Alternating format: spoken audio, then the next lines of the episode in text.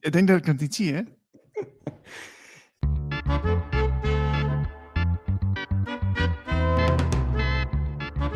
Zoals wij het eigenlijk zien is dat, ehm, nou ja, er is van, natuurlijk van alles aan de hand, maar even gekeken dan naar het financiële uh, systeem op dit moment. Van, eigenlijk is dat in 2008 is dat failliet gegaan. Maar het is, het is niet, uh, niemand weet het, zeg maar. Hè? Dus de banken zijn gered. En, maar, maar het is nooit meer goed gekomen met dat systeem, zeg maar. Het is gewoon, het is gewoon aan zijn eindje. Um, en dat is wat er nu, uh, ja, dat is wat er nu aan het, aan het gebeuren is. Dus er is enorme inflatie en nou ja, weet je wel, die gasprijzen. Gewoon van alles, alles valt nu gewoon eigenlijk in elkaar. Het gaat, wat ons betreft zou het met een knal mogen gaan, maar het, het wordt een soort van, weet je wel, nog steeds uh, hoog gehouden. Um, maar dat is wel wat er nu aan zit te komen. Van dat, dat er, er zit gewoon, uh, en dat is dus inderdaad ook geen complottheorie, dat is gewoon, het is gewoon feitelijke informatie. Er zit een CBDC aan te komen, dus een, een, een, uh, hoe zeg je dat, een digitale munt, zeg maar.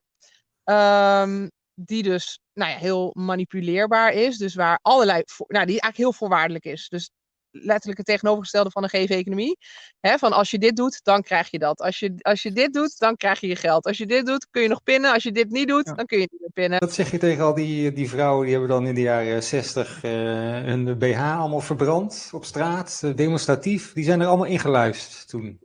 Ja, tuurlijk. Zeker, zeker. En ze hebben, weet je wel, vrouwen zijn misbruikt om, uh, om, om het familieleven op te blazen. En dat is ook gebeurd, weet je wel. We zien nu gewoon ja, al die miljoenen mensen die alleen leven, single moms, uh, vaders die hun kinderen niet zien. Het is allemaal heel tragisch. En, uh... Is dat dan nog wel een soort strijd geweest toen tussen, zeg maar, die, uh, laten we zeggen, de bankiers en ja. bijvoorbeeld de kerk? Want de kerk wil dat, wil dat gezinsleven, die wil dat natuurlijk houden.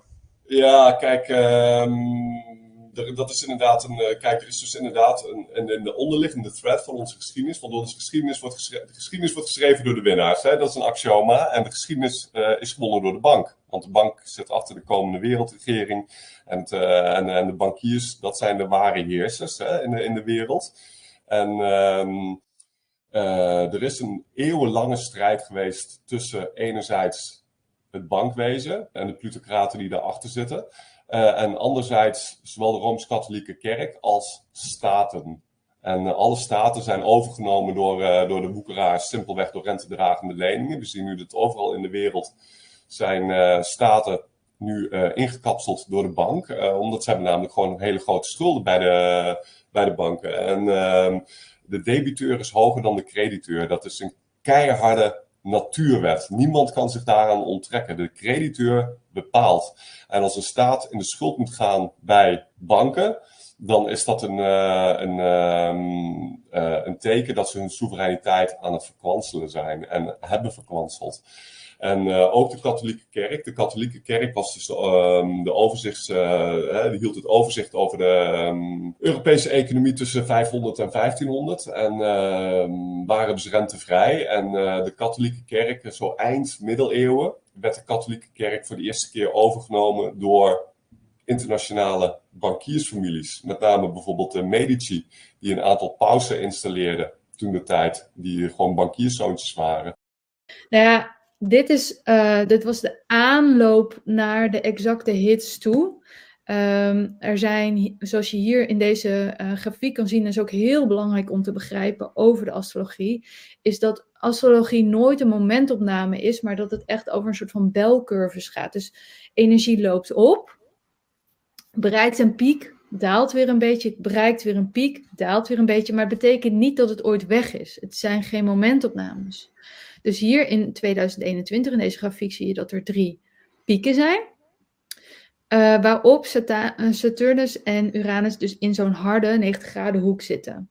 Dat is drie keer keihard gebeurd in 2021. En zoals je ziet, hier is die hoek wat, wat zachter. In oktober 2022, dus dat gaat eigenlijk al over de voorspelling, gaat zoiets dergelijks als een soort van nawij nog één keer gebeuren, dan zitten ze wel in dezelfde graad. Dan komen ze allebei tot 18 graden, maar dan niet tot op de seconde zijn ze exact. Dus daarom is dat geen harde hoek hier.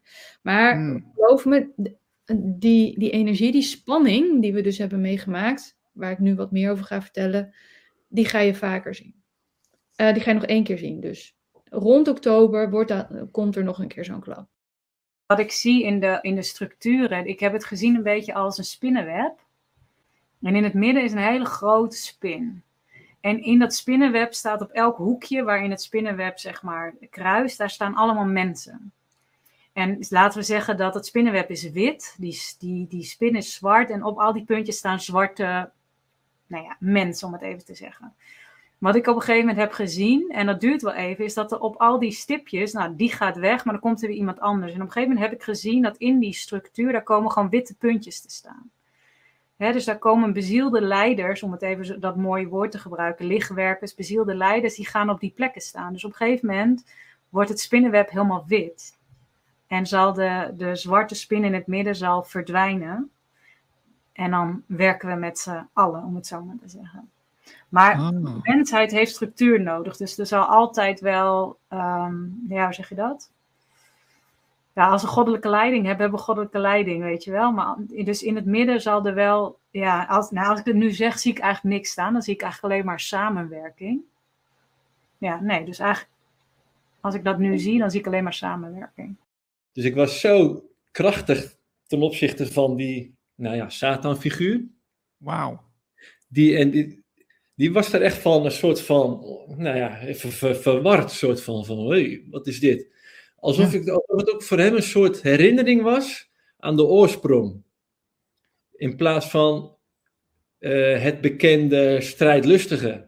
Staat dan bestrijden. Oh, je bent slecht. Ik wil jou. Ik, zag, ik, zie, ik zie ook wel eens beelden. Uh, in oude gebouwen staat zo'n engel met vleugels en een speer op een draak. Nou, dat is voor mij uh, de oude wereldmanier zeg maar, van spiritualiteit uitbeelden en het kwaad bestrijden. Weet je, maar die draak is, is net zo onderdeel van de heilige schepping. Weet je, en uh, we blijven elkaar bestrijden als we elkaar niet begrijpen.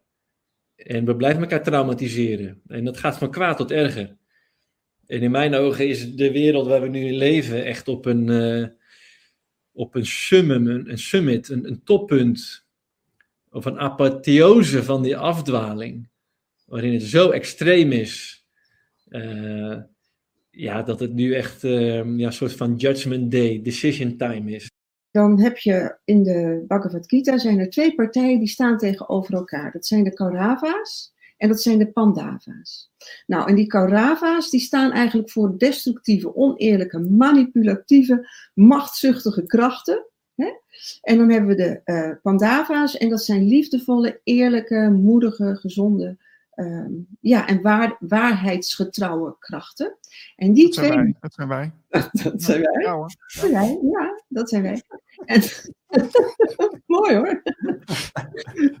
en, ja, en, en die staan dus tegenover elkaar. En die, uh, die Pandava's, die, uh, die moedige, eerlijke, die worden aangevoerd door uh, Arjuna. En Arjuna die vindt het heel eng. En die, vindt, die is angstig. Die vindt, die vindt de strijd echt uh, niet prettig en niet leuk. Dus, en dat is eigenlijk ook wat die Kaurava's doen. Hè? Die zorgen dat er angst uh, gecreëerd wordt. Dus Arjuna die voelt zich uh, ja, toch wel... Ehm, hij is wel moedig, maar hij moet het dan toch maar alleen doen. En wat doet Arjuna? Die krijgt hulp van Krishna. En Krishna is dan ehm, de, de, echt de, licht, de kracht die licht brengt. En die dus Arjuna gaat helpen om die strijd aan te kunnen. Nou, dat, dat is eigenlijk de metafoor die we in de Bhagavad Gita zien. En dat is mooi om die nou eens te vertalen naar deze tijd. Want um, ook wij hebben best wel wat hulp nodig. Hè? En waar haal je de hulp vandaan? Het prachtige eigenlijk van die Kataren is dat ze absoluut iedere dwang um, ja, daar waren ze allergisch voor. Alles moest in vrijheid en alles moest in overeenstemming met elkaar. Ze waren ook tegen lijfstraffen, tegen de doodstraf, tegen opsluiting. Uh, ja, vrijheid stond ongeveer, ja, stond, helemaal bovenaan. Uh, mensen die elkaar lief hebben en die in liefde leven, die kunnen ook alleen maar vrij zijn. Die kunnen elkaar geen, geen dwang opleggen, die kunnen, elkaar, die kunnen geen oorlog met elkaar voeren. Ook zoiets. Dat is ook iets onbestaanbaars voor een Qatar. Hoe kan je nou als christen elkaar de kop inhakken? Dat bestaat toch helemaal niet? Dat kan niet, want je kan alleen maar uh, in liefde met elkaar samenleven. En vooral ook in vrijheid. Wat er bij contracten hoort, horen die energetische koorden. Want als je vanuit aanvulling leeft en vanuit de liefde van je hart, dan stroomt dat. Als je vanuit, je vanuit liefde kunt leven, dan stroomt het gewoon vanuit je hart. Hangt dat nergens, ook weer nergens aan. Maar heel vaak is het zo, als, dan ga ik weer even terug naar dat stukje waar we, waar we mee begonnen, van het, uh, dat mensen niet goed geïncarneerd zijn. Dan kan het zijn dat als mensen op een verschillende trilling zitten, en dan is het niet zo dat de een boven de ander zit, maar als mensen op een verschillende trilling zitten, en zeg maar die, die persoon die hier zit, die is niet goed geïncarneerd, en die ander denkt, oh, daar is wat te halen. Die gooit een viskoordje, hè, een vislijntje uit en die hangt daar aan. En die trekt die ander naar beneden. En zo komen ze meer op één gelijke, gelijke lijn. Dus dat is het letterlijk uitgooien of ontvangen van energetische koorden. Je kunt het zien als, als, ja, als vislijntjes. Die worden heel vaak op het tweede chakra geplaatst. Omdat daar natuurlijk het gevoelsgebied zit. En daar zit ook het stukje van macht en... Uh, uh, uh, vooral ook in, in liefdesrelaties zit daar vaak manipulatie, elkaar ja, vasthouden op een bepaalde manier. Die koorden, ook daarin weet ik dat, we hebben daar ook in mijn opleiding heel veel mee gewerkt en er was echt hard werk om die koorden los te maken. Tegenwoordig merk ik als mensen uitlijnen inderdaad in de frequentie van 5D, lost het op. Ze lossen gewoon op, omdat het daar niet meer kan zijn vanaf het uh, eerste weekend dat het er was, hè, toen wist ik nog niet volle omvang van uh, heel veel mensen, of heel veel, een aantal mensen heeft dit aanzien komen en die wisten al in, in 2015 geloof ik al uh, dat deze tijd eraan zou komen. Nou ja, ik wist dat toen nog niet en zelfs aan het begin van corona niet, maar ja, wij geloven in, in, in Jezus en in de Bijbel en daar staat eigenlijk 366 keer voor elke dag één plus een schrikkeljaar, zeg ik altijd maar, staat er heb geen angst. Dus toen begon dat eh, spektakel zich uh, af te spelen. En ik was een weekend weg met heel veel jongeren van de kerk, nota bene. En die gingen zich al raar gedragen met de handen wassen en doekjes enzovoort. En ik heb toen vanaf dat moment gezegd van ja, hallo, in de Bijbel staat heb geen angst dan gaan we nu ook niet in angst leven. En mevrouw die zei, ja, mee eens. En wij hebben dus, ja, het klinkt heel simpel, maar vanaf het begin hebben we gewoon gekozen van wat het ook is. We gaan niet uh, bang lopen doen, want uh, dat slaat nergens op. Dan ga je, doe je in tegenstelling tot wat je eigenlijk gelooft. Er gebeurt iets slechts. Nou, dat kan alleen maar gebeuren omdat ik slecht ben. Zo redeneert een kind. Dus daardoor daar kun je een, een, een, een, een negatieve kernovertuiging opbouwen. Dus dat je voortdurend denkt, bij elke keer als je je slecht voelt of dat je in de stress schiet, dat je denkt, ik heb het niet goed gedaan, het is mijn schuld.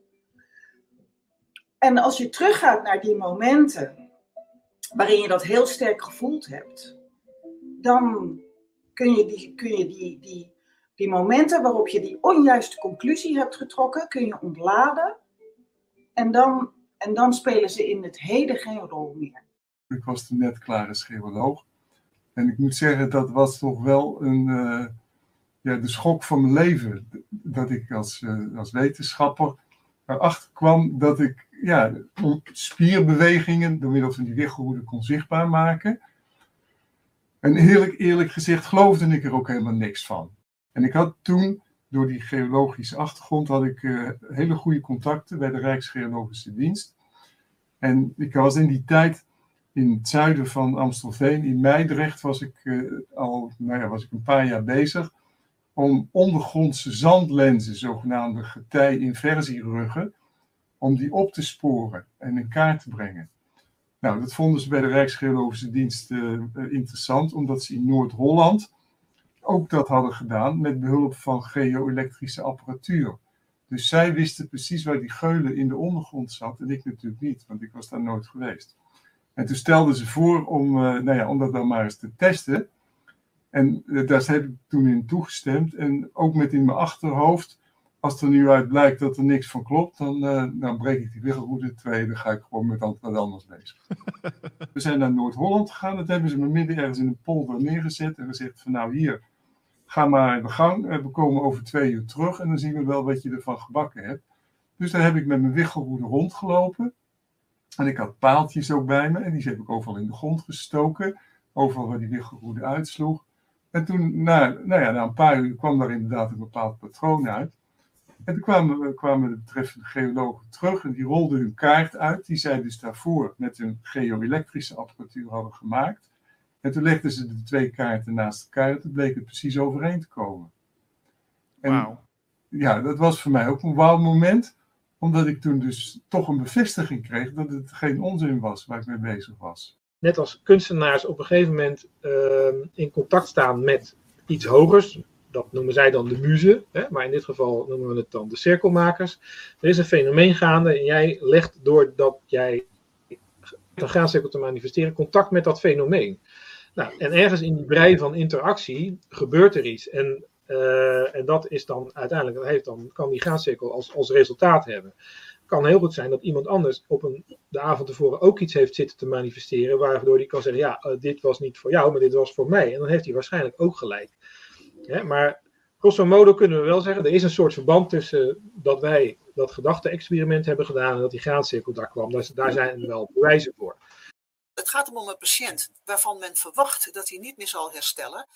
Het kan zijn, meestal dus het, in geval van het hersendood, beweren ze dat je hersendood bent. Want in de wet staat dat je volledige hersenen, het, ver- het functieverlies van de hersenen, volledige hersenen, inclusief de hersenstam en het verlengde merg, onomkeerbaar moet zijn. Eh, en dan ga je dus door een hersendoodprotocol. En dat is niks anders dan dat daarmee wordt voorkomen dat een arts kan worden eh, aangeklaagd voor moord. Want hij maakt namelijk de patiënt gewoon dood. Hij, door, door zijn handelen of haar overlijdt de patiënt. Dat is dus het geval hersendood. Als men vindt dat je, dat je hersendood bent. En het andere is dus, als je niet hersendood kan worden verklaard, dan ga je dus door naar optie B, en dat is die circulatiestilstand. En dan moet je dus eh, vijf minuten moet stilstand zijn. En dan ga je met een rotgang naar de operatiekamer. En daar wordt gewoon de circulatie hersteld. Maar dat moet je weten, dan, want dat heeft gevolgen. Ja, daar is een zogenaamde, dat noemt men een ECMO, staat daar in die operatiekamer. Daar word je op aangesloten. En dan is er dus weer circulatie in je lijf. Nou, hoe dood ben ik dan? Het meest trieste aan de, aan de hele zaak vind ik nog wel, en, en dat is een beetje de rode draad die je bij de interviews eh, eh, nu, die we al hebben gevoerd, eh, terug hoort. Dus mensen hebben het echt gedaan eh, met, met de allerbeste bedoelingen en met het verhaal van ja, we doen het voor elkaar en, en ga zo maar door. Eh, en nu hebben ze, zeg maar, eh, ja, last. Nu hebben ze eh, lichamelijke eh, problemen, soms, soms eh, eh, neurologische problemen, et cetera. Best heftige dingen. En iedereen, maar dan werkelijk iedereen, ook de omgeving, laat die mensen gewoon keihard vallen. En dan denk ik weer, ja, wat is daar nou nog samen aan, weet je wel? Die, Maar eh, mensen, wacht even, hoe, hoe, hoe werkt dat dan? Hoe, hoe laten vallen dan? Nou, dat eh, eh, niet, niet alleen zeg maar de, eh, de huisarts, eh, niet, niet alleen eh, de, eh, de neuroloog, eh, eh, de, eh, de cardioloog, ga zo maar door. Niemand wil, eh, wil zeg maar onderkennen eh, aan, aan de, de patiënt, aan het slachtoffer, zeg maar, van dat, dat die link er is. Men wil het niet echt eh, onderzoeken. En het meest ja, wat ik dan heel wrang vind, is dat hè, eerst, eerst was je een, eh, een van de groep, want je, je, was, eh, je was een goeie, want je, want je hebt je ook laten vaccineren, et cetera. En nu gaan diezelfde mensen, die gaan tegen jou zeggen, ja, maar hè, als het in, in, in het geval van, van, een, van een vrouw die, die we erover spraken, eh, ja, maar je hebt gewoon last van de overgang. Ja, maar eh, je had altijd al iets. Of het- kortom, het, het is echt zeg maar de olifant in de kamer. Ja. En, en, en, en het is bij wijze van spreken zo van, volgens mij hadden we het daarna nog over, van ma- mag ik even een trapje van je? Want dan klim ik over die, over die olifant. Om te kijken wat er aan die a- andere kant van die olifant in de kamer staat. Maar, maar het, gewoon verdomme om, die- om die olifant te benoemen. als een klein groepje eh, van de wereldbevolking een bepaald bewustzijnsgehalte heeft, dan tilt dat groepje de rest mee omhoog. Dus we, net als wanneer je eh, eh, op een basisschool een klas hebt met eh, twee hele slimme leerlingen en de rest is normaal. Eh, als, als je die twee lekker aan het woord laat, dan, dan gaat de rest in één keer ook beter eh, Ja, ja, ja. ja. presteren. Dus ehm, hoe meer ruimte en hoe meer podium je geeft aan ehm, nou, wat jullie doen met Radio Gletscher, natuurlijk. jullie zijn cruciaal. dus, eh, met dit soort. Ik wist met het wel, dit soort ik wist het wel. Ja. ja, ja, ja, ja, ja. dat is een hogere roeping, hè, dit. Dus ja, maar het is dus eigenlijk wel zo. Dus zelfs binnen een, een dorpsgemeenschap, binnen een, een, een klein collectiefje. Ik bedoel, op zoveel manieren ehm, werken we in groepsverbanden. Of we ons daar nu bewust van zijn of niet. Met allerlei eh, nuances hebben we een energiespel wat super eh, geavanceerd is. Wat uiteindelijk gaat bepalen of wij als ras de deur hebben openstaan of niet voor open IT-contact. Ik zie zoveel eh, kinderen geboren worden nu die volledig, ja, sowieso kinderen staan er vaak helemaal open. Er komt zodanig veel bewustzijn bij de ouders tegenwoordig, dat ik eigenlijk, eh, ja, ik zie het gewoon heel hoopvol in. We gaan naar een hele mooie nieuwe wereld toe. En eh, als we maar blijven luisteren en onze kinderen serieus blijven nemen, dan, ja, dan, wordt het prachtig.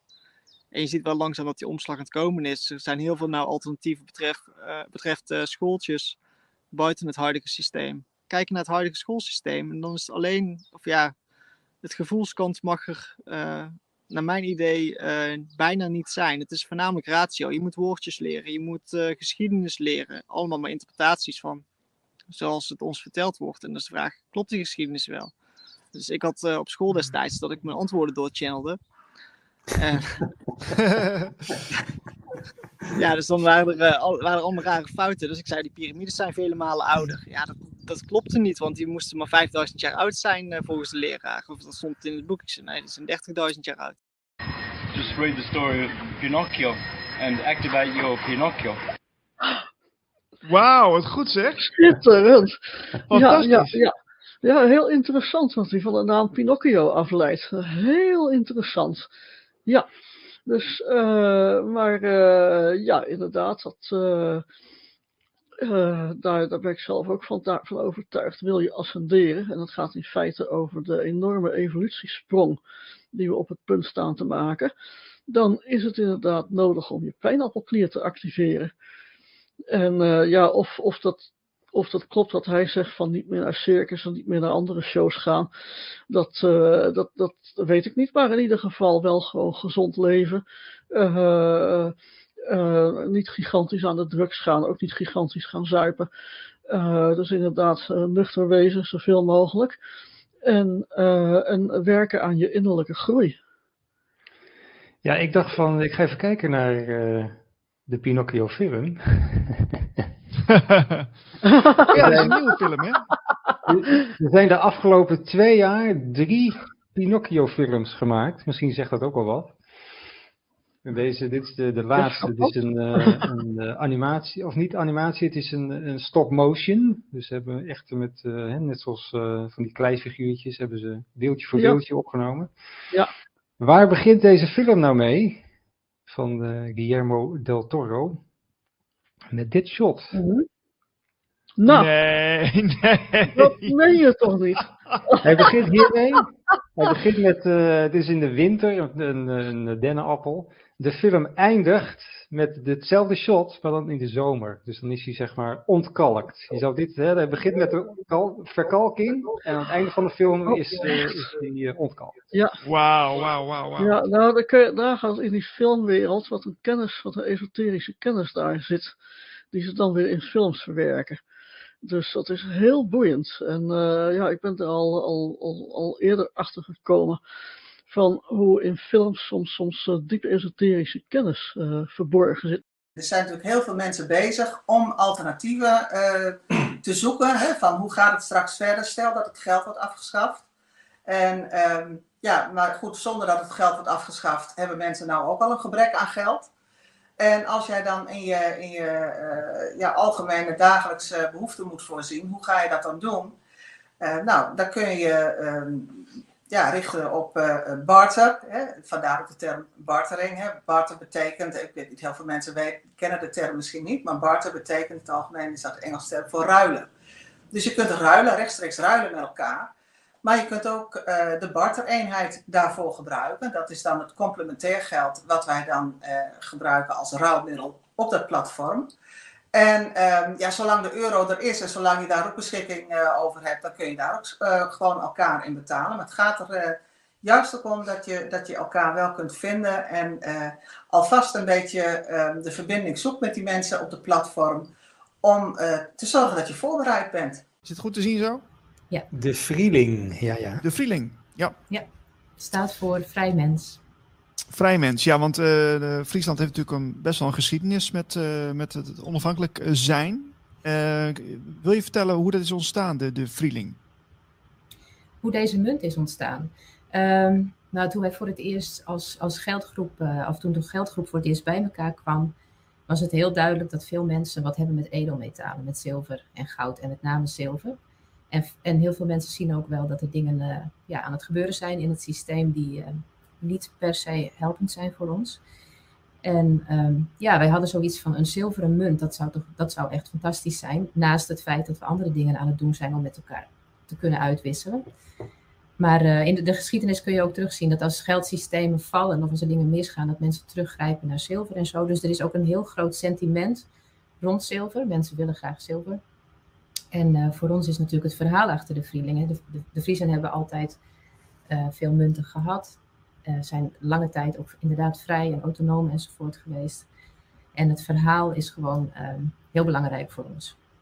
Ik vind het dan wel boeiend. Ik heb bijvoorbeeld eh, Nigel Farage in Engeland heb ik heel erg gevolgd met eh, de, de Brexit. en eh ja, vind ik, een, vind ik een boeiend personage. Ik geloof dat Nigel Farage is welk, werkelijk een oprecht iemand. Ja, maar het is een systeemdenker. Ik noem het maar, ik noem het maar systeemdenker. Hè? Dus hè, wat, wat, wat eh Marlijn ook zei, van, die zijn ervan overtuigd. Dat ze- Nigel Farage bedoel jij, van, eh, die ook Ja. eh, de rechtse politiek een beetje in zit. in, in, in, toch of niet? Nou, ik vind het niet. Het is, is dat rechts? Ja, ik weet het niet. Ik vind dat lastig met, die, met links-rechts. En zeker in Engeland, want dan is alles omgekeerd. Hij heeft de Brexit. ge- Oké, ik volg het dat natuurlijk, die informatie direct. En ik weet ook in Europa zal dat ongetwijfeld weer anders gebracht worden. Want Nigel Farage dient het systeem niet direct, maar indirect. Want hij is een systeemdenker. En hij zal, als hij wat nieuws opzet of als hij wat nieuws brengt, zal hij daarmee het systeem weer meenemen. Want hij is een systeemdenker. Ja? En dat is, als je, als je begrepen hebt wat het systeem werkelijk is, dat het niet om links of rechts of midden of rood of, of hè, wat voor kleur dan ook gaat, maar dat je het gaat, is het systeem of is het niet systeem? Nou, dan dan kom je in feite alleen maar systeem tegen.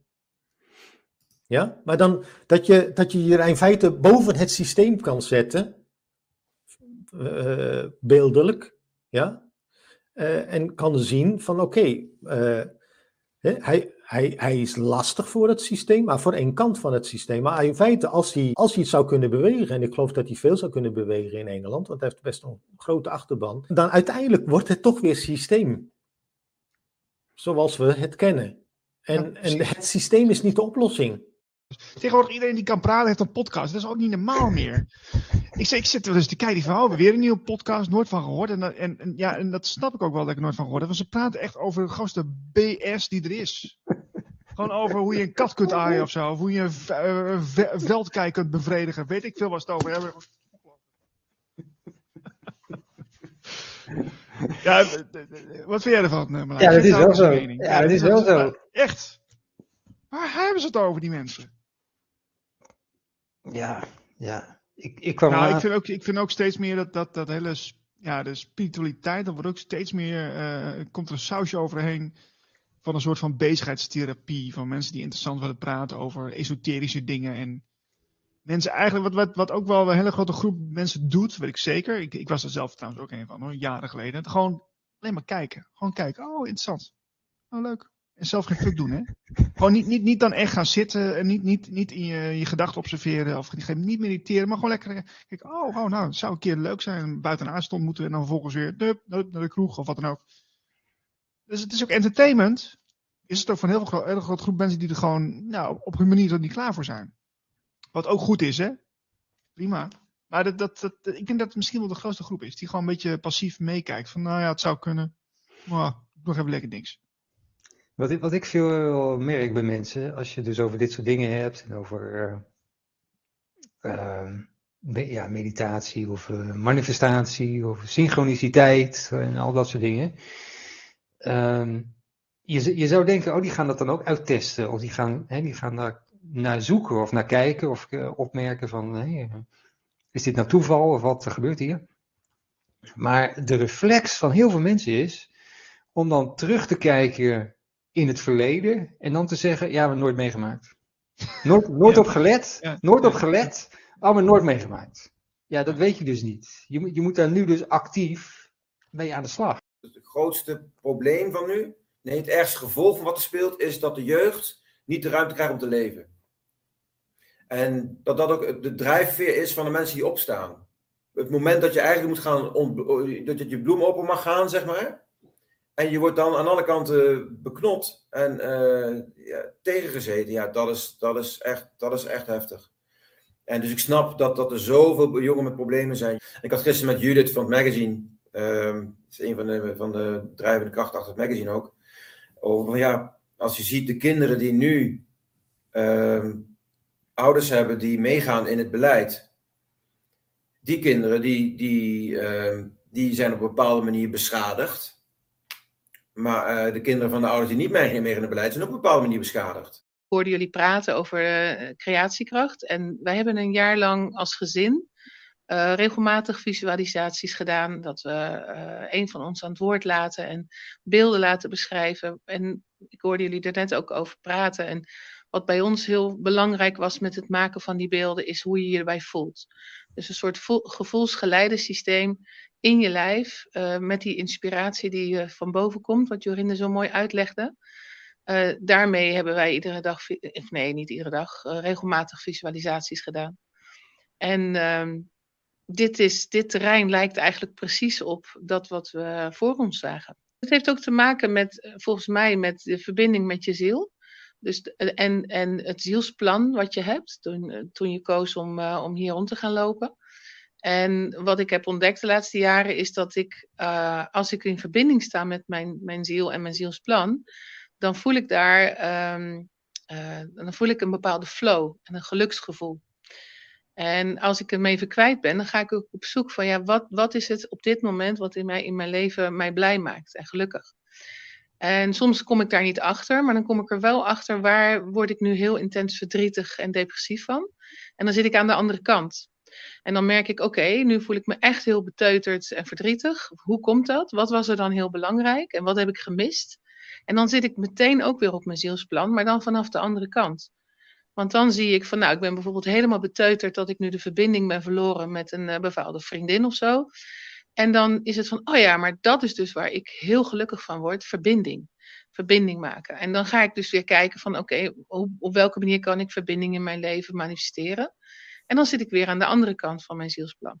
Ja, dat nou, echt het moment dat, dat, dat ik hoorde dat mensen met mij die visie deelden van uh, uh, kinderen mogen, mogen veel meer vertrouwen krijgen in het feit dat ze kunnen leren wat ze moeten leren, zonder dat dat uh, aangeleerd wordt, zonder dat, dat we heel geïsoleerde dingen hun gaan voorschotelen wat ze dan tot zich moeten nemen en dan in de hoop dat ze er wat mee gaan doen. Dat het, dat het op een veel natuurlijkere manier kan vanuit vertrouwen.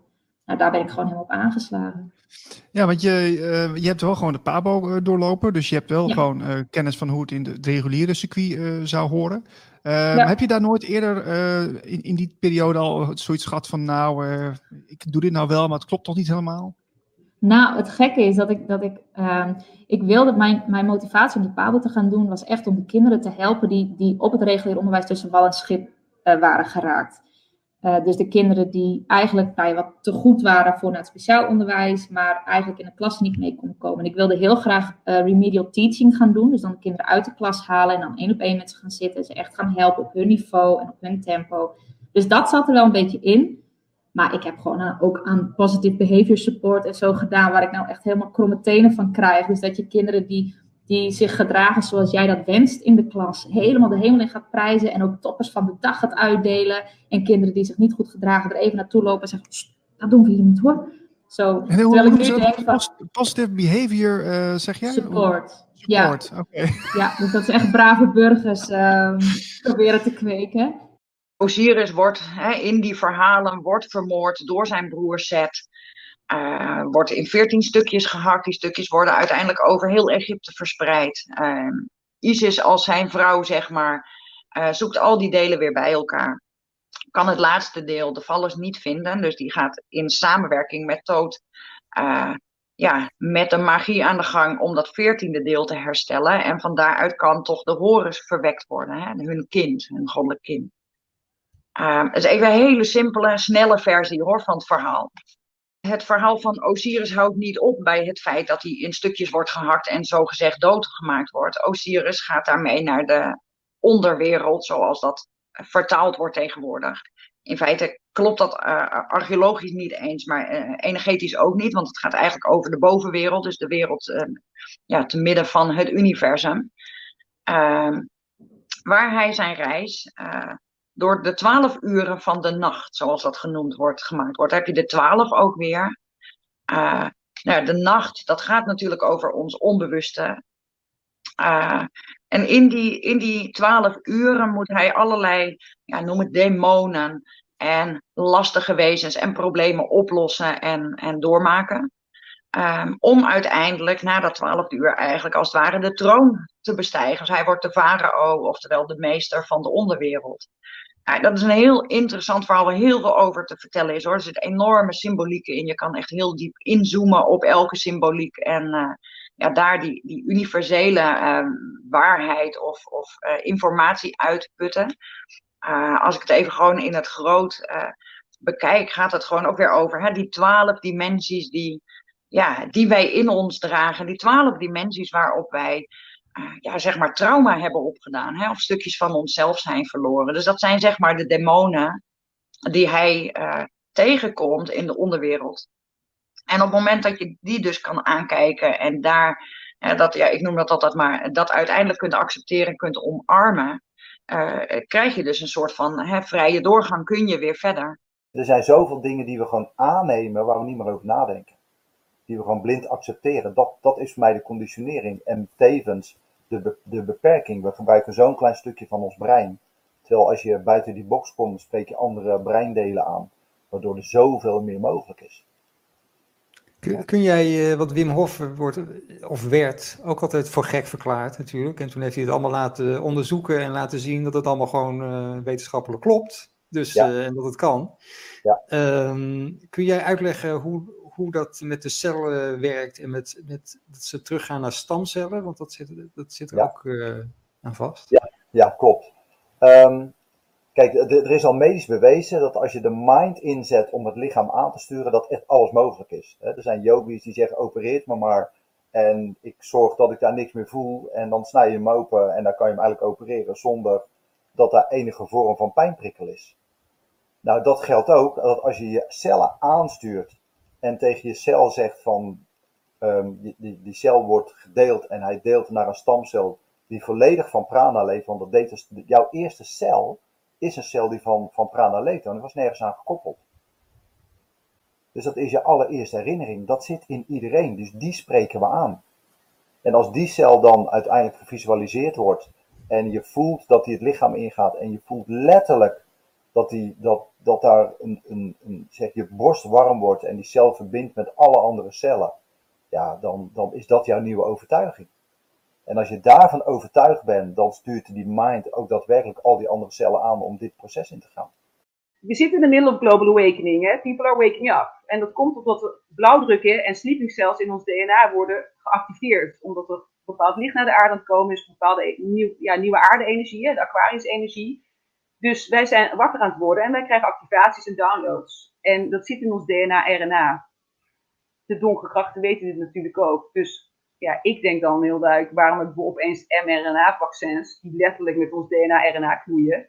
Uh, ik heb dit soort boekjes, die ken je misschien ook, de nieuwe roep en de roep tot ontwaken en dat soort dingen. Oh, ja. Daar gaat het ja. letterlijk in over ons DNA-RNA waar de activaties zitten. En dan een paar jaar later opeens mRNA-vaccins, weet je wel. Dus, maar je hebt gelijk, dit is dus een hele grote ideologie. We zitten in een machtsgreep, hè. De wereldwijd wordt de mensheid gevangen gezet. En uh, we gaan uiteindelijk natuurlijk richting transhumanisme. Tenminste, dat is de bedoeling, maar ik ben ervan overtuigd dat het helemaal niet gaat lukken.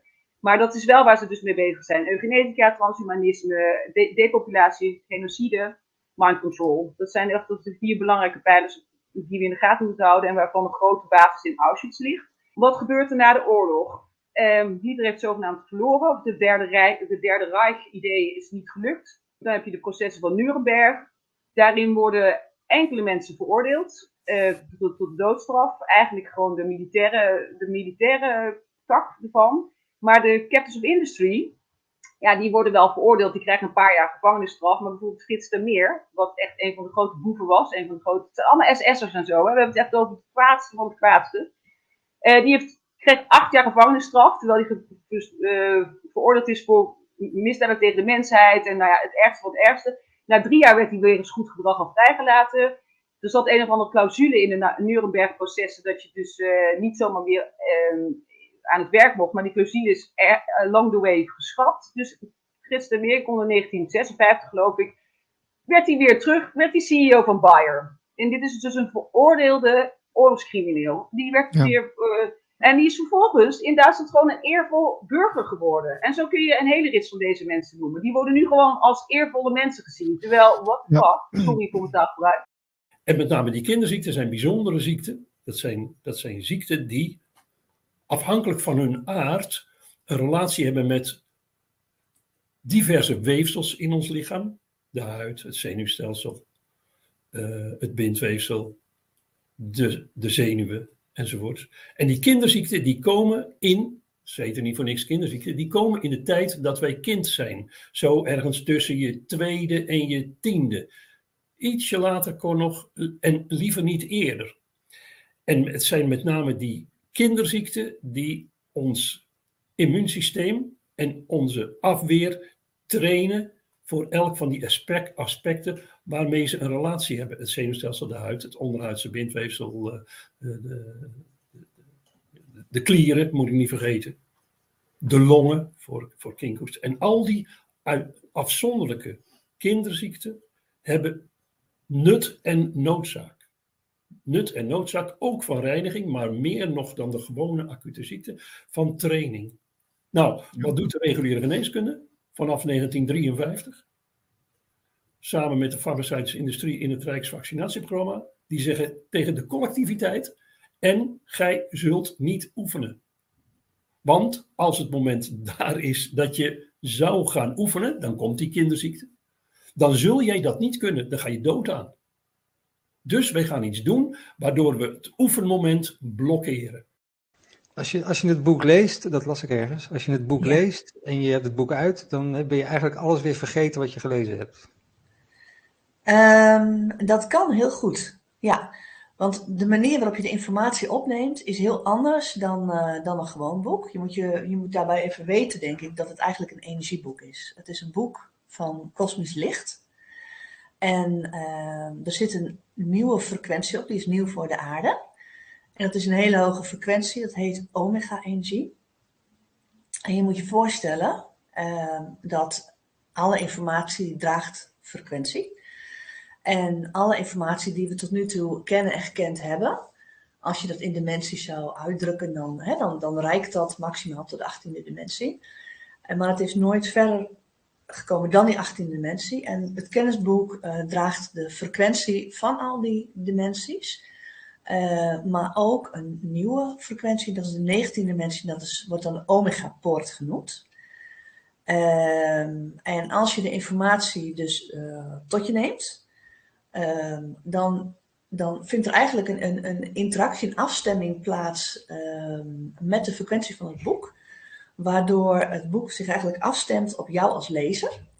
En je neemt dan de informatie en frequenties op, die op dat moment ja, precies bij jou aansluiten wat je nodig hebt. En die ervoor zorgen dat, ja, dat eigenlijk nieuwe lagen van bewustzijn eh, eh, geopend gaan worden. Ik, een van de meest geloofwaardige getuigen, als je het mij vraagt, is dan wel admiraal J. Bird. En die in 1947 de, de leider was van die Amerikaanse vloot van 25 schepen, waar ook een vliegdekschip bij zat. eh, die toen naar Antarctica gegaan zijn om de Duitsers die daar nog zaten aan te pakken. Ja, maar dat- was eh, in, in 47 volgens mij. Ja, begin van 1947. Eh, eind 46 werd, werd die vloot al aangekondigd in Amerika. En eh, Admiral Beer zou hem leiden. Een vliegdekschip, verschillende destroyers, onderzeeboot, minstens 20 vliegtuigen. Het is niet zomaar iets. Een carrier group heet, heet dat. En dat, is, dat, dat wordt niet zomaar ingezet. Ehm, en eh, in 46 zei Byrd zelf tijdens de persconferentie dat eh, die vloot een militair doel had. Maar in het publieke domein werd eh, gezegd dat het een expeditie was naar de Zuidpool. Hè, dus een wetenschappelijke Mm. expeditie. Ja, Ja, met ja, een ja, vliegdekschip. Ja. De impuls komt altijd vanuit je hart. Want dat is ook het eerste wat gemaakt wordt in de buik. Dus je hebt een, een hartsimpuls. Dus eerst, komt er een, eerst is er trouwens een pineal gland ontstaan. Hè? Dat de, de, de zaad- en eicel, pineal gland. Daarom is die zo belangrijk voor ons als mensen. Eh, dat is ons ontstaan, onze antenne, nou ja, al die dingen. En eh, dan vervolgens wordt er een hartje gecreëerd en dan komen pas daarna de hersens. Dus wie is nou uitvoerend voor wat? Dus het gaat eigenlijk om dat wij gaan luisteren naar ons hart en dan kunnen onze hersenen ons hè, kunnen, kunnen we inzetten om dat verlangen naar buiten te brengen of die creatie te maken, zeg maar. En eh, dat is natuurlijk helemaal omge- omgegooid in, eh, in, eh, in de historie. Maar wat zo interessant is daaraan, is dat je wel je gedachten dus kunt inzetten voor je, voor je wensen, om maar zo te zeggen. En, en hoe sneller je kunt denken, hoe makkelijker manifesteren is. En eh, dat is eigenlijk wat zij uitlegt. En ooit in de tijd is er dus een andere ehm, ja, eh, beweging ontstaan, zeg maar, noem het maar even de donkere kant, of hoe je het noemen wil. En die konden ook snel denken en die wisten dit. En die hebben dat verborgen gehouden voor de volgende generaties. Maar zij wisten het wel. En dus eh, wij zijn eigenlijk misleid om steeds trager te zijn in ons denken. Nou, hoe kun je snel denken? Eh, door veel in de natuur te zijn, door gezond te leven, al die dingen, dus weer zelfvoorzienend te worden en te vertrouwen op je eigen bron en je eigen kracht, zeg maar. Mijn theorie is, op je 42ste staat Uranus. eh, Uranus doet er 84 jaar over om rond te keren, rond de zon. En dan staat hij precies tegenover jouw zon. En Uranus zorgt voor plotselinge veranderingen en inzichten. En het grootste inzicht wat je op je 42 krijgt, is waarschijnlijk: hé, hey, ik zit nu op de helft van mijn leven. Eh, en dat is onbewust. Maar jouw systeem weet dat ergens. Die denkt van, vrek, nou, ik heb... En ja, dan ga je dus dan ga je ontdekken van, nu krijg ik meer jaren eh, achter me dan voor me. Dus dan word je vanzelf ook reflectief, zo van, ja, maar wat wil ik met die volgende 42 jaar nog? Want gemiddeld worden we namelijk 84. Oké. Theorietje van mij hoor, maar... Ja, oké. eh, Ja. Maar is het dan voor, nee, maar even, ik ben een beetje leek daarin, maar, is, is het, maar Uranus, is dat, staat hij dan altijd zo recht tegenover de zon als iedereen 42 is? Nee, nee, nee. Onze aarde doet er een jaar over om rond eh, de zon te gaan. En Uranus doet er 84 jaar over rond, in een rondje rond de zon. Eh Saturnus ja, 28,5. snap je? Ze hebben allemaal zo hun, hun tijd. En dat wil zeggen dat Uranus op jouw 42ste, wat de helft is van 84, precies tegenover het punt staat waar die op je geboortemoment stond. Eh, nou, ik ga nu astronomie en astrologie combineren. Ja, ja.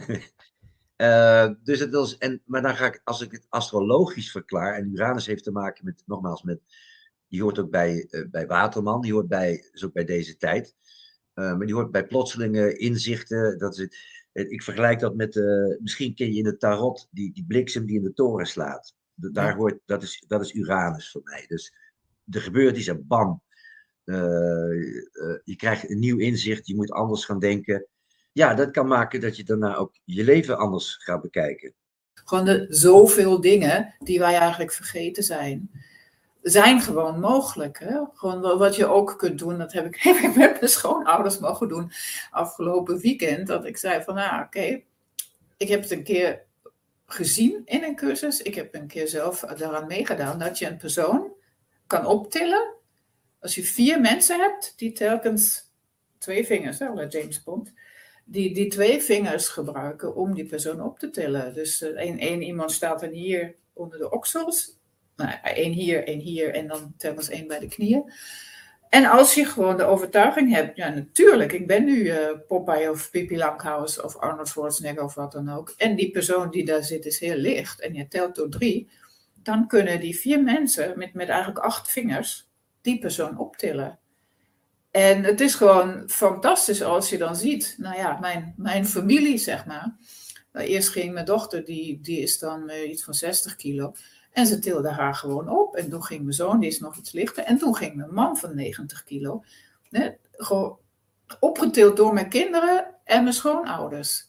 Het is gewoon, ja, en dat is ook zoiets. Als je dat vertelt, dan, ja, dan klinkt het raar, maar toch heeft iedereen dat meegemaakt. En dat zijn dingen die, die je eigenlijk ook met iedereen kan doen. Als je de, de symbioseprocessen bestudeert, dus de, de codering zeg maar, van de, planten, dieren en, en bomen, dan weet je van ja, hier zit, een, hier zit een intelligentie achter. Er zit een bepaalde bedoeling om dit zo te doen. En wij zijn ook niet het eindpunt. Ik eh, de aarde is niet eens gemaakt voor de mensen. Het is niet zo, wij leven hier nu wel, maar wij waren natuurlijk niet de oorspronkelijke bewoners.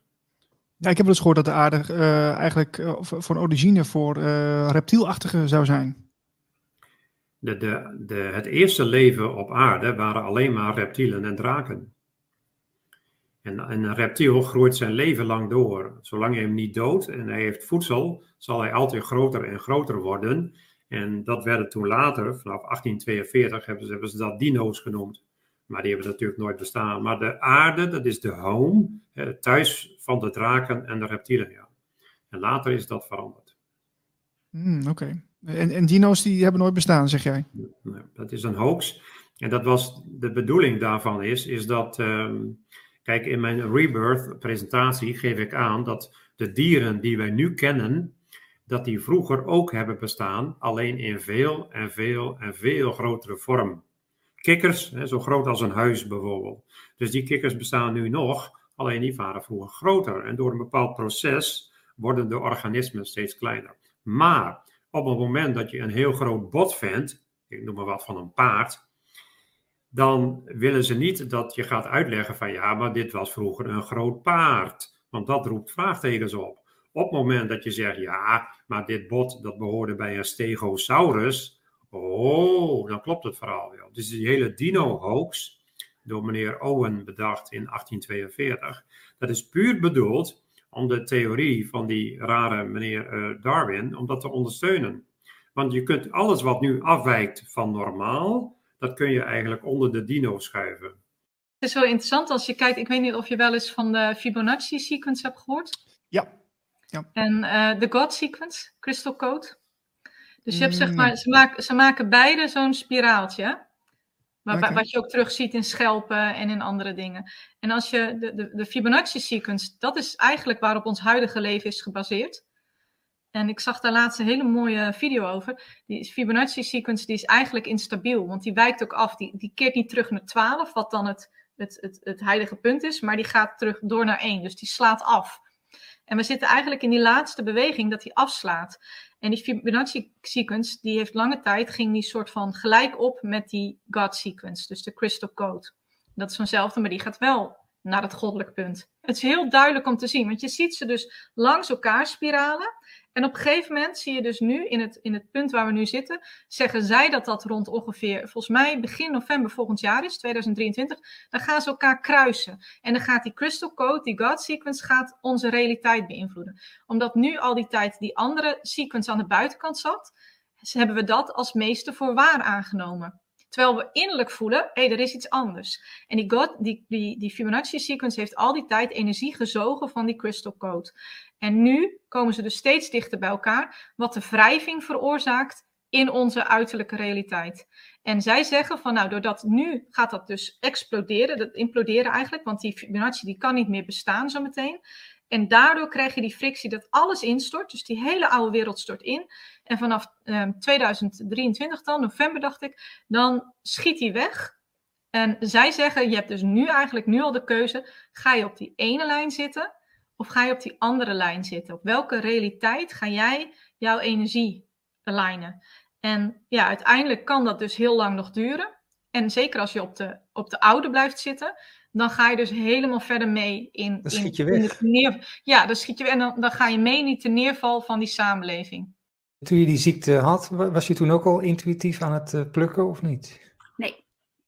Oké. Want je hoort ook wel eens dat de natuur om je heen, die zorgt dat, dat, dat er dingen naar boven komen die jij nodig hebt.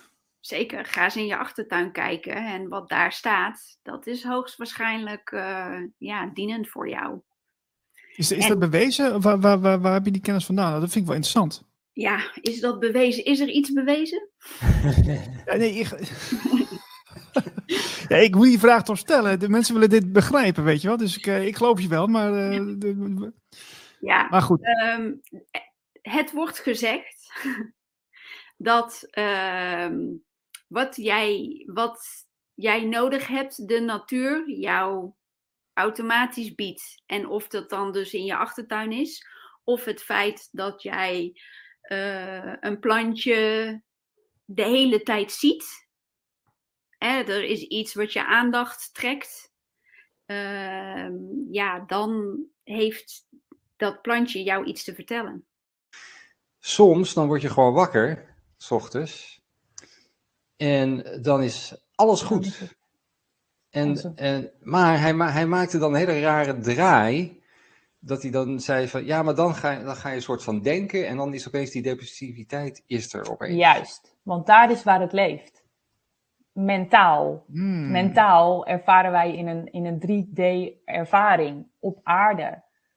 Dus wanneer jij jezelf in andere frequenties mag ervaren, dan is het er niet aanwezig, want het bestaat er niet. Het is opgelost, het is in harmonie. Het is in het nulpunt van de dood, het is in de stilte, in de sereniteit. Het is niet. Maar dan, hoe, hoe uh, zetten we dat denken dan uit? Want uh, ja. Nou ja, dat is wat je eigenlijk precies nu zegt. Hoe zetten we het denken uit? Door inderdaad het denken uit te zetten. En dus meer te gaan ervaren vanuit uh, het hart. Vanuit het hart te kunnen spreken, vanuit het hart te kunnen voelen. Hè, in eerste instantie, dat is het lastigste meestal, eerst het voelen. maar ook uiteindelijk te kunnen denken en te kunnen functioneren. En echt letterlijk te kunnen leven vanuit het hart. En uh, wanneer ik denk, dan ben ik aan het werk. Dus dan moet ik bezig zijn met dingetjes. Dan kan ik gewoon denken. Maar nu gebruik ik mijn denken niet. Bijvoorbeeld. Op dit moment gebruik aan? het denken niet. Het, stro het Nee, stroomt het- er gewoon uit. Ja, Ja, ja. dus dan één stuk door. Nou, eh, weet je, Marlijn, wij gaan even koffie zetten. Eh, Kijk, ik denk dus dat we naar een nieuwe wereld toe gaan waarin mensen ehm, vrijwel uitsluitend gaan doen waarvoor ze gekomen zijn. En eh, helaas is het niet zo, of is het zo dat veel personeel nou ja, op plekken zit waar ze, ja, laten we, laten we het netjes formuleren, waar ze niet helemaal hun missie leven. Ehm, en, en, en dat betekent dus dat daar, daar, daar ontstaat wrijving, omdat ehm, ze kunnen wel heel goed zijn in hun taak, maar het, het, het energetische stuk klopt als het, klopt als het ware niet in, in die setting. Ehm, en als je daar dan van een afstand, afstand naar gaat kijken, in gaat zoomen, eh, zoals ik dat doe, want ik hoef niet eens in een organisatie te zijn, ik kan het ook gewoon vanuit huis eh, ja, daarop afstemmen en kijken wat er dan eh, komt. En dan kun je dus ook kijken van, in de diepte kijken van wie zit nou op zijn plek en wie niet. En ehm, ja, wie, wie, wie past daar? Want een, een bedrijf is natuurlijk niks meer dan de collectieve energie van alle mensen die erin werken eh, bij elkaar. En dat geeft dan een resonantie naar de buitenwereld toe. En dan gaan mensen dan producten kopen of niet kopen. En, en, en het interessante daaraan is, is dat je dus ziet dat, dat steeds meer ondernemers zich ook bewust zijn dat het niet alleen maar gaat over de, de marketing naar buiten toe, maar dat het ook gaat over van hey, hoe wordt mijn perceptie van het bedrijf wat ik nu aan het leiden ben, of de managementfunctie die ik nu heb, hoe, hoe gaat het eigenlijk naar buiten toe als daar harmonie is? Maar hoe gaat het ook naar buiten toe als er juist geen, geen harmonie is en als er dus ja, mensen op de verkeerde plekken zitten? Ik, ik- toen ik net met de consultancy begon, dat is inmiddels 16, 17 jaar geleden, toen, toen, vroegen mensen mij wel eens van, hoe kan je nou de juiste mensen aannemen? Ik zeg maar, die hele procedures rondom cv's, eh, eh, ehm, eh, al dat soort dingen, volgens mij is het enorm achterhaald. Ik denk dan van, je zou alleen maar één vraag hoeven te stellen van, ja, is datgene wat je hier komt doen, is dat nou absoluut je levensmissie in het hier en nu? Een van de van democratisch onderwijs heeft eigenlijk drie pijlers: spelen, praten en bekrachtiging.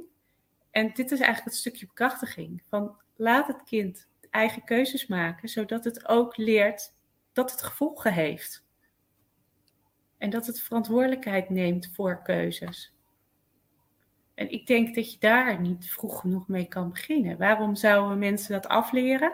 Dus we leren ze altijd tijd, doe maar braaf wat je gezegd wordt. Maak je werkje, doe, voldoe aan de verwachting. Dan krijg je een sticker van de juf. Daar zit die stickerjacht weer in.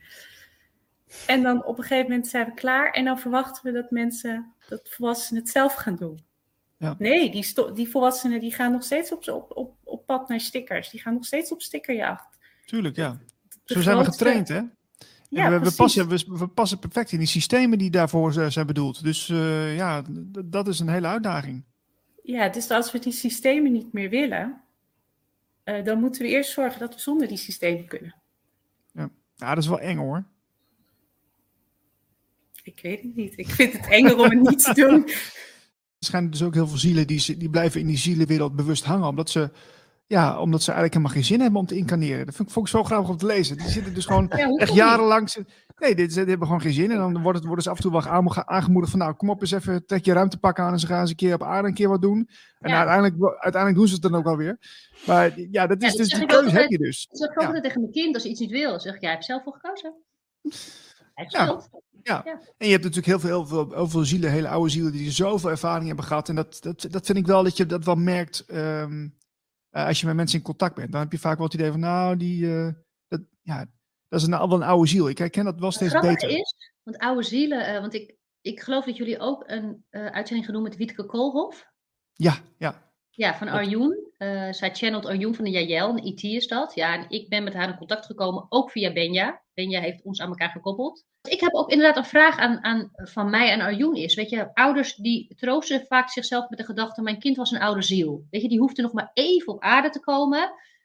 Klopt dat idee? Weet je, zijn er oude zielen? En, en hij zegt dan, Arjoen die ehm, reflecteert dan aan ons terug, zoals hij dat zo mooi zegt. Eh, er is geen tijd. De- Weet je, tijd, ruimte is iets wat wij hier op aarde hebben bedacht. Dus er is geen tijd. Dus er bestaat ook geen oud en jong. Dus, dus iets kan niet vele eh, vorige levens hebben gehad.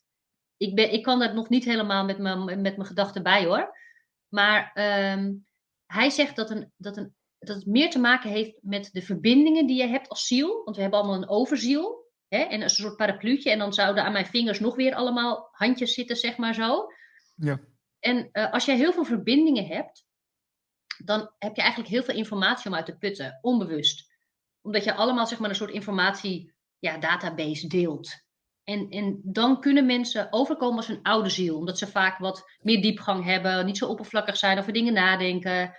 Ehm, dus hij legt uit dat het vaak een oude ziel, wat wij een oude ziel noemen, is gewoon eigenlijk iemand met veel verbindingen. Die, die veel zelf eh, verbindingen heeft met andere zielen.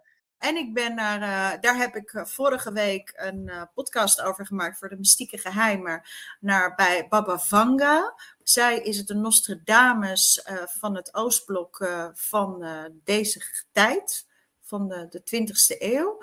En daar heb ik ook eh, het een en ander over verteld. En over een andere plek waar ik dus niet nu geweest ben, want ik had gewoon niet genoeg tijd. Waar de eh Bulgarijse eh, regering twee jaar lang met grof geschut heeft gezocht en gegraven. En na twee jaar hebben ze daar iets aangetroffen en toen hebben ze de hele boel dichtgegooid, hermetisch. En naar die le- plek wil ik nog naartoe. Ehm, en daar ga ik dan nog verslag van uitdoen. Maar ze zeggen dus dat daar ook wel het een en ander eh, ja, ontdekt is. Maar wat? Iedereen die daarbij geholpen heeft, is of dood, of gek geworden, of eh, het zwijgen toegebracht. Dus Oh, dat is wel interessant. spannend, spannend, spannend. we are here for a transition of this earth into a different level, into a lightful level, ending this dark age what we have here. And therefore, we get also this technology and the towers, this tool to survive under these conditions and actually to build up very, very powerful positive energy fields to change it because our towers are connected to the seventh dimension and the big towers 2.2 and 2.5 meter high or bigger are connected to the ninth dimension. And from higher dimensions, you can change uh, um, whatever happens in the third dimension. Yeah, when someone likes to do something harmful, then the tower could stop it or could hinder it or could make this person forget it about or uh, whatever. You can uh, steer from higher dimensions to lower dimension. Yeah, and we know from the um, dark side, they are working up to the seventh dimension. Up to the seventh dimension. They control, controlled for many thousand years the earth, all the living beings on earth and so on. Yeah, but when our tower now work in the ninth dimension, we have a chance to change something. Ik had, uh, ik had een rouwproces, ik had een burn-out, uh, ik zat in een overgang. Ik bedoel, de, de, de, de, hele shitload had ik in één keer zo op me, op, me, op me gekregen. Dus ik was goed out of order. Maar mijn hoofd bleef maar zeggen, je moet aan het werk en je moet dit en je moet dat en je moet zus. En het is allemaal je eigen schuld. En het is je eigen schuld dat je je zo slecht voelt, had je maar anders moeten doen. Dat allemaal. En ik zat in die hotelkamer en het was. En, en dat stem, die, die stem die kende ik natuurlijk heel goed. Want daar had ik al mijn hele leven last van. Van hele negatieve denken over mezelf. En toen zat ik daar en ik was zo, ik was zo uitgeput. Dat ik dacht, maar waarom moet ik eigenlijk doen wat dat stemmetje zegt? Dat kan ik helemaal ja. niet. En dat vond ik ontzettend spannend. Het klinkt heel stom misschien, maar ik vond het heel erg spannend uh, omdat ik op dat moment besloot, ik ga een paar dagen niet doen wat dat stemmetje zegt. Ik ga gewoon ongehoorzaam zijn. Ik, ga, ik, ik, ik neem een sabbatical van mijn eigen hoofd, zo heb ik het later genoemd. Dus dat stemmetje, dat ging maar door. En, en ik ben iets leuks voor mezelf gaan doen. En ik dacht echt, ik kijk het even een paar dagen aan, want ik was echt bang dat mijn leven volledig, volledig van de rails zou gaan. Ik dacht, de hele boel stort in. Maar dat was helemaal niet zo ik bleef gewoon heel verantwoordelijk mijn rekeningen betalen en zo. Weet je. Dus de, alles ging gewoon door. Maar op een hele andere manier. Toen ben ik mijn eerste boek gaan schrijven. En, dat was, en zo makkelijk was het niet, want het was natuurlijk niet zo dat ik opeens geen last meer had van dat negatieve stemmetje. Want toen ik aan het schrijven was, heb ik ook nog wel huilend door het Vondelpark gelopen, omdat dat stemmetje zei: dat mag niet. Ik mocht dat boek niet schrijven, want uh, ik ben, heel, Oh. ik ben met heel veel arbeidsethos opgevoed. Dus uh, weet je, en schrijven, ja, dat is, uh, daar verdien je geen geld mee. En uh, nou ja, heel, heel een hoop gezeik hier. De tweede spreker, die hebben het over de boeren. En die zegt, echt, en dat komt echt vanuit zijn darmen, zou ik bijna willen zeggen. Dat, dat die zegt dat de, de geweld, wat, wat, wat, wat wij allemaal Nederlanders van de boeren, dat wij dat allemaal op het journaal te zien krijgen hij zegt, hij zegt dat is voor 80% is dat uh, infiltratie van zogenaamde Romeo's. Van mensen van, de, van, van politieagenten die vermomd als boer, als nepboer dus, uh, infiltreren bij die, bij die demonstraties. En dan uh, ineens voor de, de boel gaan ophitsen en, om, om stennis te maken en, als, en als, om, om, om, en ook geweld te plegen. Waardoor er dan uh, op dat tijdstip een bepaald televisiestation wordt opgeroepen, of een, cameraploeg. En dan krijgen we agressieve beelden van agressieve boeren. En dat gaat dan s'avonds de huiskamer in. Maar hij, dan vertelde die boer, die was dus ook aanwezig bij het, de demonstratie of het bezoek van enkele boeren bij de minister uh, die, die, stik, die speciaal over stikstof gaat, ik ben de naam even kwijt. Hij was daarbij. Hij zei, nou dat was helemaal niet dreigend. Helemaal, helemaal niet. Wij zijn daar gewoon naartoe gegaan. Zij kwam naar buiten, heel ontspannen zelfs, met de kindjes erbij. Ik heb nog met zo'n kindje zitten kletsen. Hij zegt, en ineens komen er gewoon figuren bij staan die wij, wij kennen iedereen van de Farmers Defence Force. En die kennen wij helemaal niet. En die gaan daar ineens tennis lopen te maken. Die beginnen ineens te schelden. En, dan, en, dan, en, dan, en dat komt op tv.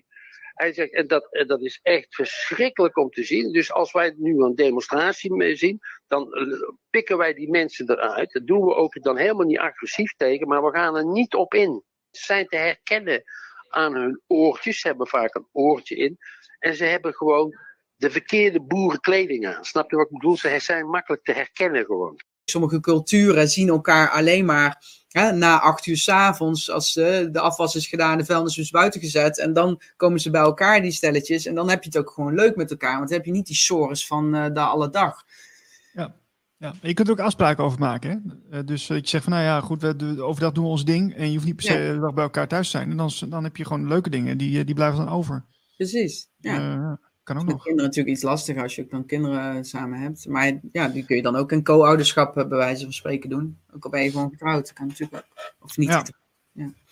Maar ja, goed, er zijn ook heel veel mensen die zeggen, ja, een kind op, op laten groeien in deze tijd is eh, ook niet verantwoord. Maar ja, aan de andere kant denk ik van, eh, ja, dan kijk je dus heel erg naar, het, naar de oude wereld, hè. Van, eh, ja, die, die stort in. Ja, We moeten al die eh, stars iets binnenhalen. Dus zo meer, veel mogelijk baby's moeten er geboren worden. Dat verhoogt de frequentie. dat is echt zo. Ik heb ehm, in mijn puberteit eigenlijk al eh, begon ik met boeken lezen en over de bron en de kern en spiritualiteit. En ik snapte wel wat er stond, maar het was zo abstract dat ik eigenlijk geen idee had waar ze het over hadden. En pas toen ik begon met ademwerk, komt het weer, eh, toen ging ik echt ervaren ehm, ja, wie ik was. En eh, dat dat dus de bron is en de bron liefde en vreugde is. En ja, toen ging het leven. En, ehm, maar dat is dan wel op spiritueel niveau of zielsniveau, of hoe je het wil noemen. En we leven natuurlijk ook gewoon op aarde, ehm, waar er meer is dan dat alleen. Eh, daar is ook geweld en daar is ook angst en daar is van alles. Dus niet alles is liefde, maar op die diepere laag, bij die bron en bij die kern, daar is wel alles liefde. in de loop van je leven kom je dan op zo'n punt dat je misschien wel alles hebt. Een dure auto, een mooi huis, een lieve vrouw of man, of eh, alles wat je hartje begeert, wat je ego-hartje begeert. En dan komt dat andere. Dan ben je toch niet gelukkig. Dan krijg je die vraag van ja, maar is dit het nou? En dan wordt als het ware de prins wakker, die dwars door het doornenbos gaat zoeken naar die kern. Wie ben ik nou eigenlijk? De, wat is het nou wat ik zoek in mijn leven? En dan begint die zoektocht naar binnen. En die heb ik in de touw van gezondheid beschreven als de prins van Doornroosje, die, door, die bereid is om door dat doornenbos zich een weg te banen, om zelfs ehm, die boze vee te trotseren, die zich als een draak manifesteert. Want dat is volgens mij het symbool, jij zou dat kunnen zien als een symbool voor het, voor het ego. Ik heb ooit heel diep contact gehad met iemand die heel erg bereid was om te groeien, echt oprecht. Maar toen het, toen het zo veilig was dat die diepste kern naar buiten wou komen, toen kwam de draak ook naar buiten. Die dat beschermde. En dan kwam er een totaal narcistisch stuk. Wat het kostte wat het kost moest beschermen. Want niets en niemand mocht bij die kern komen. Terwijl hij wilde echt graag. En die heb ik echt letterlijk ontmoet. En daar heb ik heel veel van geleerd. Ook in hoe de narcistische persoonlijkheid soms kan werken. Als een draak die zorgt dat er maar nooit iets bij, dat, bij die kwetsbare binnenkern kan komen. Dus dat, dat, daar past voor mij wel dat sprookje van Doornroosje. Want als het toch lukt, en er is maar één ding wat dat kan, dat is de liefde. Die volhardt, dwars door alles heen. En die is nu zo belangrijk in deze tijd. Dwars door alles heen. Hoeveel narcisten of psychopaten, of hoe je ze ook wil noemen, er ook aan de macht zijn. Niets is sterker dan de liefde.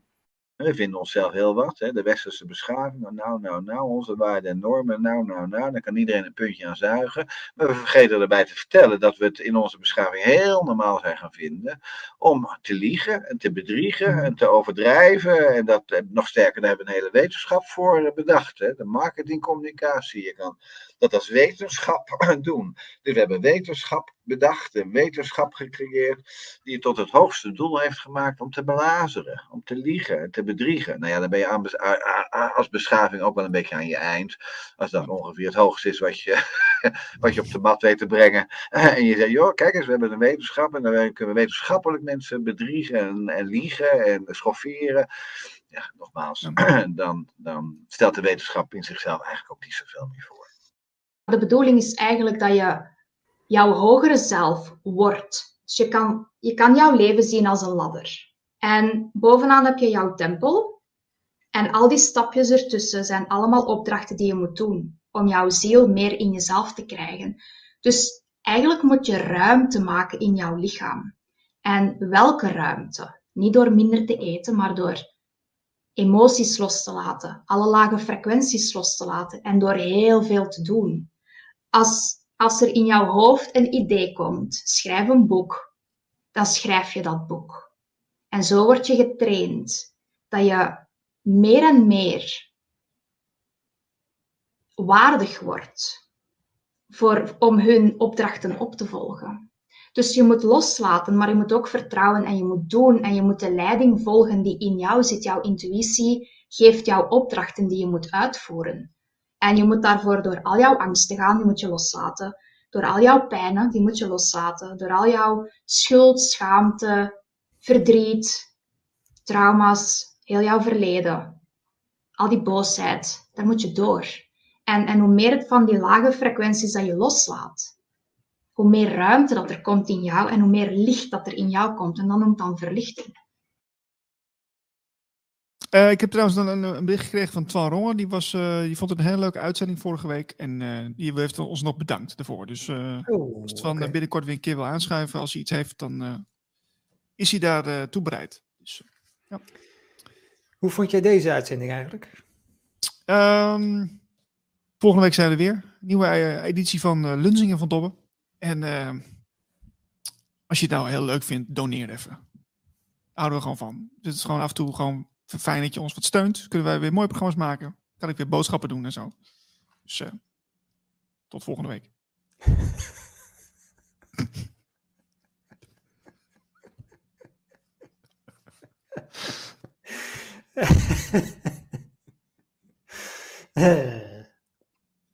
Ik ben zo blij dat je kunt knippen. Ja, nee, dit knip ik niet. dit knip je niet.